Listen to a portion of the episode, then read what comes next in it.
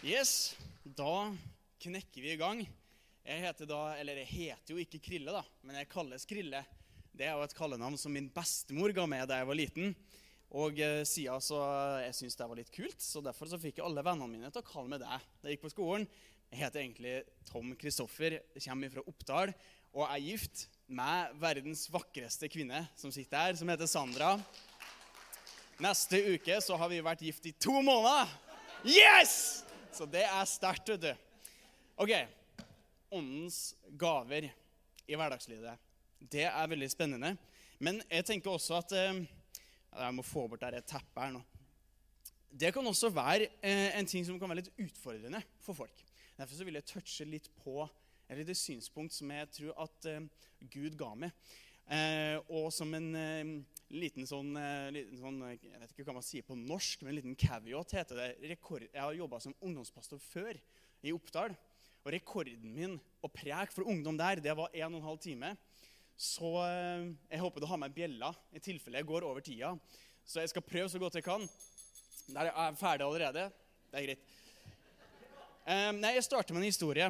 For det var en gang da jeg gikk på bibelskole, og da hadde vi en si, en helg, eller en, det var noen skoledager, der vi hadde veldig mye om åndens gaver. Og det hadde vi også felles med mange andre. Og jeg tror at jeg aldri, i løpet av, altså, i løpet av de dagene, så har jeg aldri følt meg mer utfordra eller mer liten i hele mitt liv. Fordi da var det masse åndens gaver, og det var masse tungetaler, og det var masse profetier, og det var masse kunnskapsord og visdomsord, og det var heidundrende hubba bubba, og det var liksom så mye som ikke jeg var helt vant med, for å si det sånn. Og på den skolen som jeg gikk, så hadde vi fokus på åndsgaver. og det var veldig viktig for oss, men for meg så ble det her det her ble liksom eh, Det ble åndens gaver på steroider for min del. da.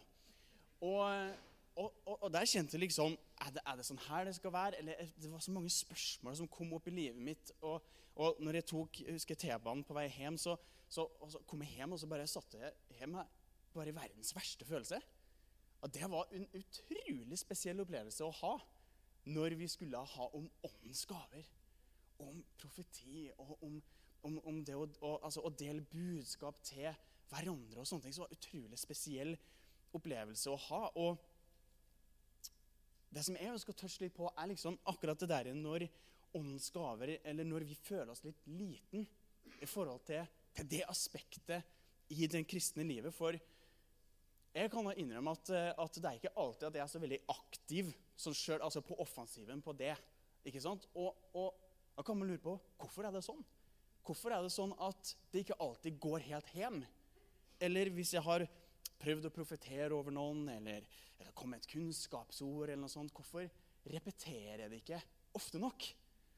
Og det jeg tror, er at Paulus gir en veldig god forklaring på det der i 1. Korinterne. I 1. Korinterne så leser vi veldig mye om åndens gaver. Ikke sant? Og da går vi veldig ofte til 1. Korinterne 12. Og vi leser i 1. Korinterne 14. F.eks. i eh, 1. Korinterne 12 så står det jo at eh, ja, Fra vers 8 da, der står det for én blir det gitt visdomsord ved ånden, og en annen blir kunnskapsord ved, ånden, ved samme ånd, og en annen tro og den annen, eh, ved samme ånd, og en annen nådegaver til å helbrede. Og så listes det opp mange nådegaver som vi, skal, eh, vi som, som vi skal ønske å ha, som vi skal etterjage, og som vi skal begjære å ha. Men det som, vi, som jeg syns er litt interessant, er at i det der, der så hopper vi over et, et helt kapittel. Fordi at, Nå skal jeg lese noe som kanskje dere har hørt i en helt annen kontekst. Her står det kjærligheten er tålmodig. Kjærligheten er vennlig. Kjærligheten er ikke misunnelig. Kjærligheten skryter ikke, er ikke oppblåst. Den oppfører seg ikke umoralsk, søker ikke sitt eget, lar seg ikke opphisse, tenker ikke ut noe ondt. Den gleder seg ikke over urett, men gleder seg i sannhet. Den tåler alt, tror alt, håper alt, utholder alt. Så kanskje vi hopper over noen vers der, og så leser vi. Så blir de da stående, disse tre.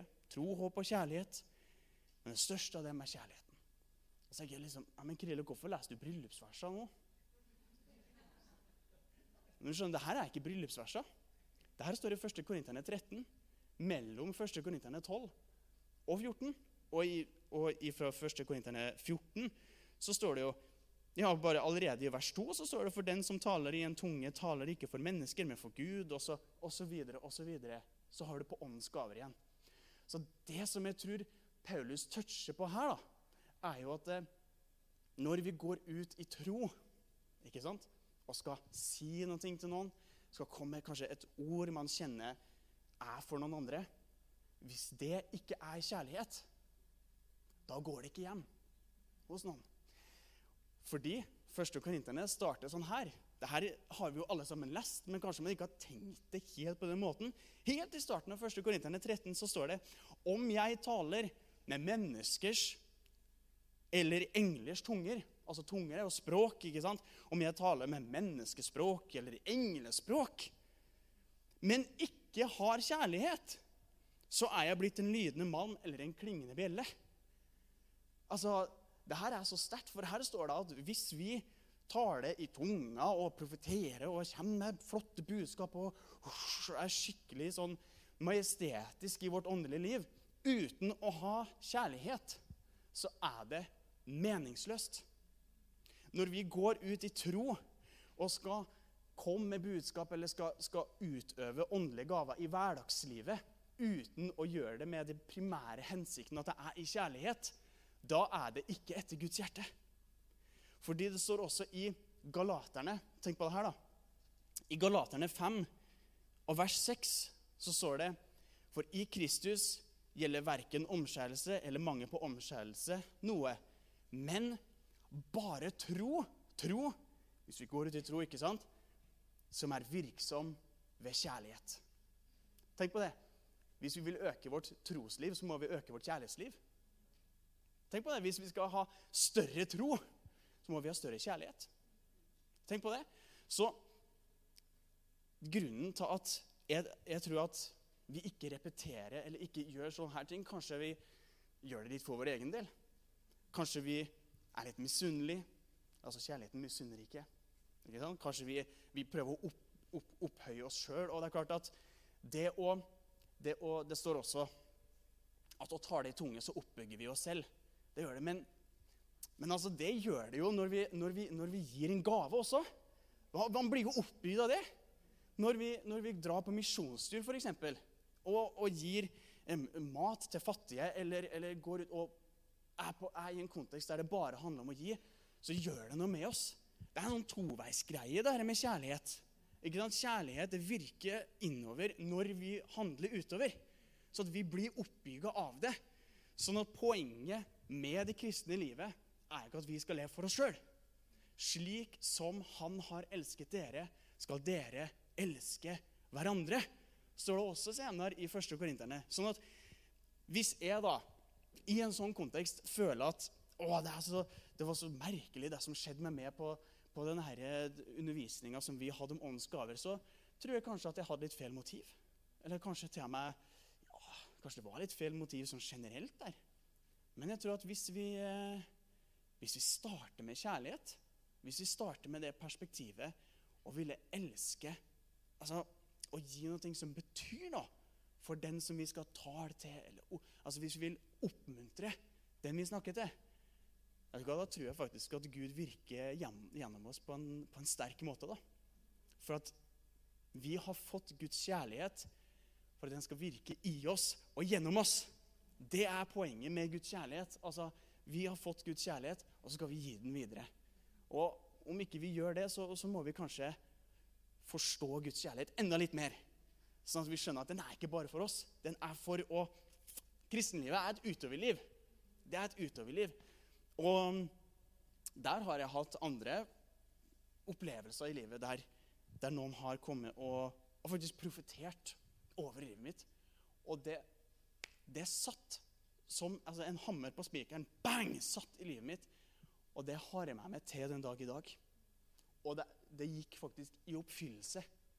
Altså bare for jeg, jeg, så litt tilbake på det faktisk for noen måneder siden, og det var et ord som jeg husker at jeg fikk i 2017. eller noe sånt. Da ble det påminnet at Oi! Det skjedde. Det var noe som skjedde! Og det var så crazy. Og der føler jeg at wow, det var et ord som virkelig gikk hjem. Som ble gitt i kjærlighet. Og en gang som Hvis jeg skal dele bare noen ting kort ut ifra ting som, som, et ord som er delt, da, eh, til noen. Det, det, har jeg jo ikke gjort eh, så veldig ofte. Jeg veldig, sånn, nå må jo pastoren på en måte ta så innrømme litt her. Det er lov å være litt eh, gjennomsiktig. Men jeg, jeg drev og ba, da, husker jeg. Og så ble det påminnet om en venn som jeg vet har starta en misjonsbase i Spania. veldig sterkt da. Og så, og så bare begynte jeg å be for det arbeidet som de drev. Og sånn, og så, og så bare ba jeg, og så var det noen merkelig For det, det, her var folk som jeg var skikkelig glad i. Så jeg bare merka bare, å ja, kom igjen, hjelp dem. Og liksom, ba, skikkelig innstendig for at det her skulle gå bra. Og så bare, helt ut av det blå, utrolig merkelig opplevelse, så, så, så, så ser jeg liksom bare en skiftenøkkel. Ok, For et sånt bilde, da. Og Det er veldig lett at man kanskje tenker at ja, det var tilfeldig. Men så tenkte jeg en gang til så tenkte jeg, ja, men Gud, kanskje du ga meg et bilde nå? Eh, så tar jeg bare og googler bare skiftenøkkel, og så bare ah, screenshotter den, og så sender jeg vei til den vennen min. Og så sier jeg du, jeg dro og ba for det i morges, og så så jeg dette her. Så jeg vet ikke, men uh, ta det for det det er. Men det var en skiftenøkkel, da. Sånn Kjemperart. Og så svarer hun, da. Ja. Det, I morges uh, så hadde vi bønnemøte, og da ba vi om at Gud måtte gi oss nye verk verktøy for å nå mennesker for Kristus. Og jeg bare altså, Yes! Den gikk gjennom. Så det var jo liksom, det, det var en artig opplevelse. Men for meg så, så, var det liksom så naturlig, da, fordi at det her var noen som jeg ba for, som, som jeg var glad i, og som jeg satte pris på. Sant? Så det på en måte tror jeg er en veldig viktig grunn som vi har med oss i det her med åndelige gaver. da. Og det her å leve et liv, et hverdagsliv i åndelige gaver. Hvis vi skal utøve sånne her ting og be for folk og kanskje søke å få et ord for dem, eller noe sånt som det her, så må det alltid være et perspektiv at eh, man er glad i dem. At man ønsker det beste for dem. At man ønsker å gi noe. Ikke med egoistiske ambisjoner om at nå skal jeg bli, nå skal jeg bli noe. For Med en gang man bli, prøver å bli noe, da er man litt på villspor. For i Guds øyne så er man nå allerede. Det er ikke noe å vinne. vet du. Du, du er allerede en stjerne i Guds øyne. Så, så den er Gud.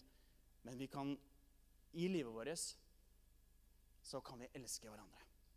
Amen. Amen. Så der har jeg Mayen lagt en, en grunn eh, for det. Så eh, da kan eh, Mayen få komme opp her. Yes, takk for meg.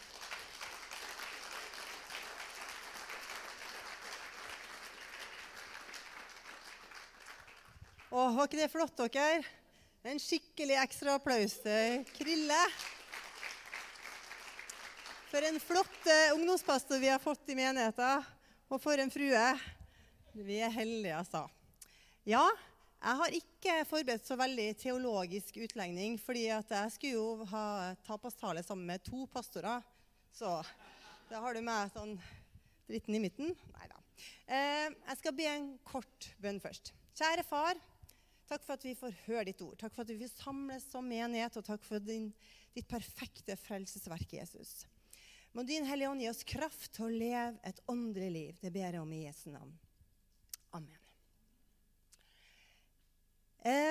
Jeg skal få dele litt om det som jeg har erfart og lært når det gjelder å leve et åndelig hverdagsliv. Og min erfaring er at det først og fremst handler om å leve med Jesus i hverdagen. Og at bønn og lydighet, som ikke høres så veldig spennende ut, kanskje, og praktisk arbeid, som kanskje er enda mindre spennende, er en naturlig følge av at Jesus får plass i livet vårt. Å leve et åndelig liv hverdagen er å leve et liv der Jesus får prege mine valg. Der han får lov å prege mine handlinger og være sannheten min og prege til og med tanker og følelser. Det står i Johannes kapittel 10 vers 9-10 jeg er porten. Den som går inn gjennom meg, skal bli frelst og fritt gå ut og inn og finne beite. Det er det Jesus som sier til oss. Og det å oppleve friheten i Jesus, frelsen og gjenopprettelsen som han gir oss i møte med seg, det har etablert en sånn sterk Jesus-relasjon i mitt liv. En kjærlighetsrelasjon. Så takk, Krille, for introen. Hvor jeg av fri vilje ønsker å bøye meg. Kjærlighet gjør det med oss. Jeg har lyst til å være lydig. Jeg har lyst til å strekke meg. Jeg har lyst til å Og så er det ikke så lett alltid. Det vet vi alle sammen. Men Jesus han kjenner alle mine mørke kroker. Han vet om alle mine mangler, og likevel så har han skapt meg og deg til en større hensikt og til å leve i en nær relasjon med han. Og vi vet at uh, hvis vi skal le leve i en sånn nær relasjon, en god og sterk relasjon, så krever det noe mer enn ord. Det krever handling og prioritering og arbeid og å være villig til å gi av seg sjøl. Så selv om det åndelige livet først og fremst er basert på det Jesus har gjort for oss, for meg, så trenger jeg å ta valg som gjør at jeg faktisk lever i et åndelig liv ut fra denne relasjonen med Jesus.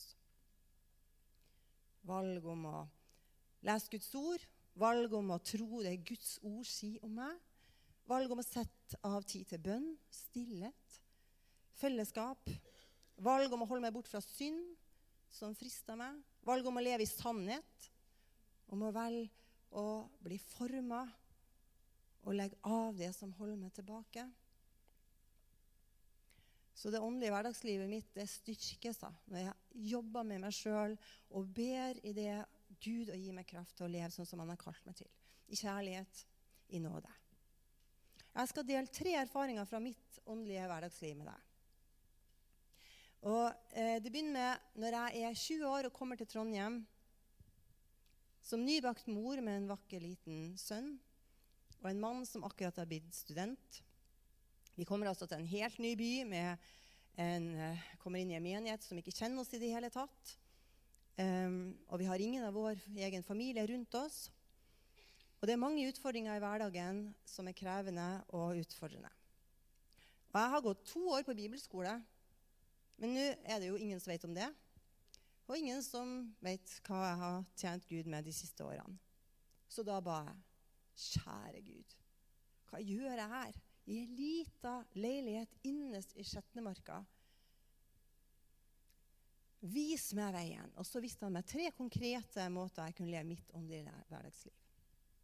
Det første han viste meg, det var at det å ta vare på et lite barn, det er en åndelig tjeneste.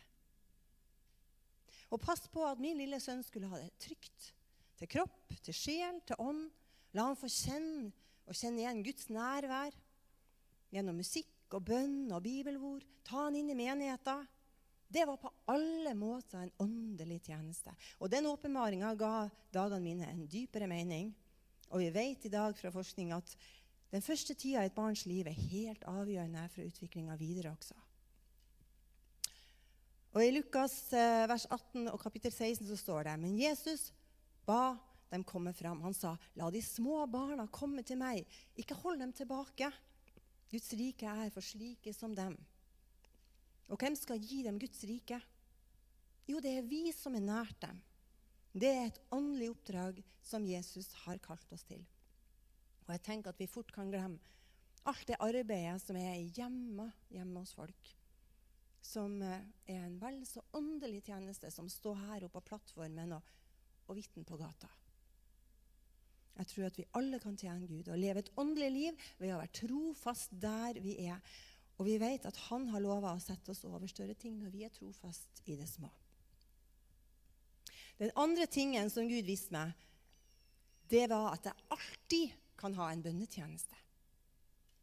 Jeg begynte å be mer planlagt og bruke Guds ord aktivt inn i bønnen og lage en journal der jeg skrev ned bønneemner som jeg minnet på eller fikk kunnskap om eller hørte om på forskjellig vis. Og Etter hvert så, så jeg at selv om jeg var hjemme med en liten baby i en hverdag full av praktiske ting og usynlig gjerning, så fikk jeg tjene Gud langt utafor hjemmets grenser. Og fikk se utrolig mye spennende, fantastiske bønnesvar.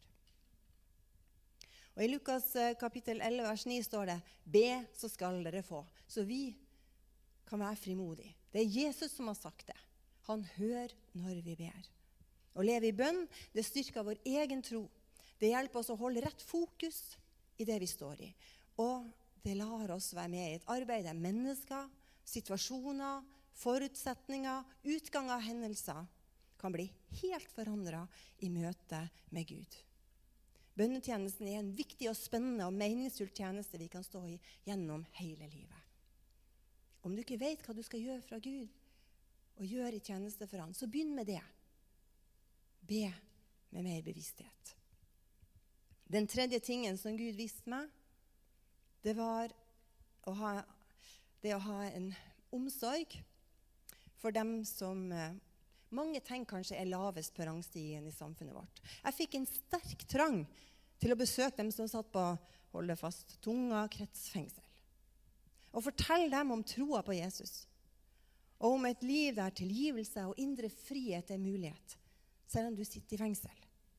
Og det ble starten på en tjeneste der jeg gikk fem år sammen med andre menigheter på fengselet og fikk se mennesker få nytt livsmot, bli kjent med Jesus og få en helt ny retning for livet sitt. Noen av dem kom også inn i menigheten etter hvert. Noen var hjemme hos oss på besøk. Og vi var også hjemme hos noen som kom ut etter dommen sin var sona. I Matteus kapittel 25, vers 39-40 så spør disiplene når så vi deg syk eller i fengsel eller kom til deg? Og kongen skal svare dem.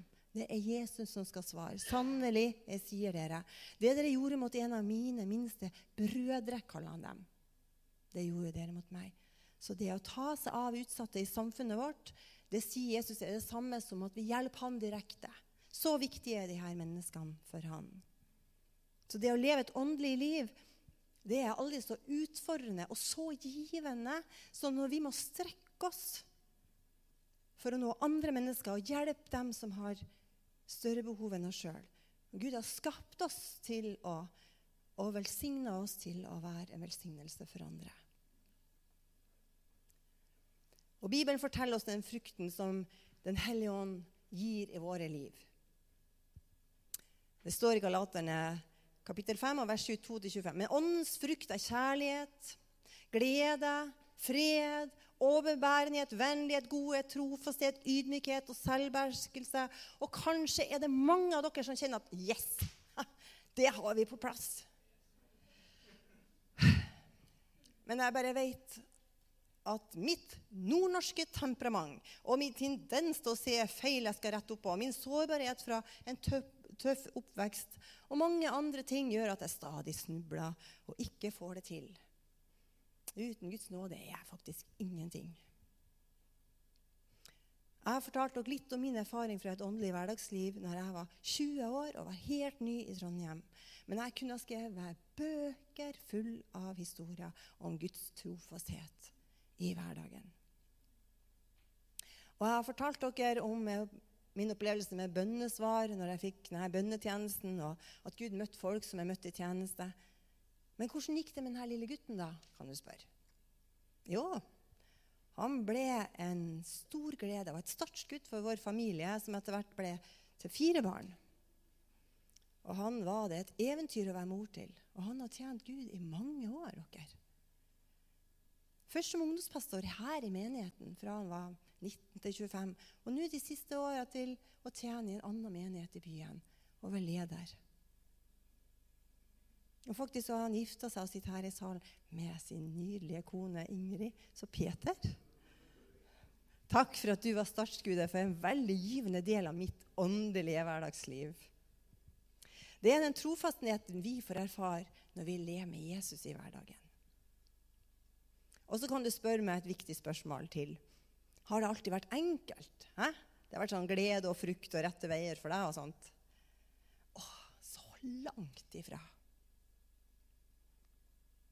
Det har som jeg begynte med å si, vært mye bønn og praktisk arbeid. Men det åndelige livet er ikke noen slags diffus sky med herlighet. Det er et liv som er her og nå. Det er prega av mine feil. Det er forlenga av masse omveier. Det er sykdom og sorg og urettferdighet som har snubla bein på meg. Det er smerte og lidelse, og det er å holde ut det som er uutholdelig. Men det er en helt annen preik.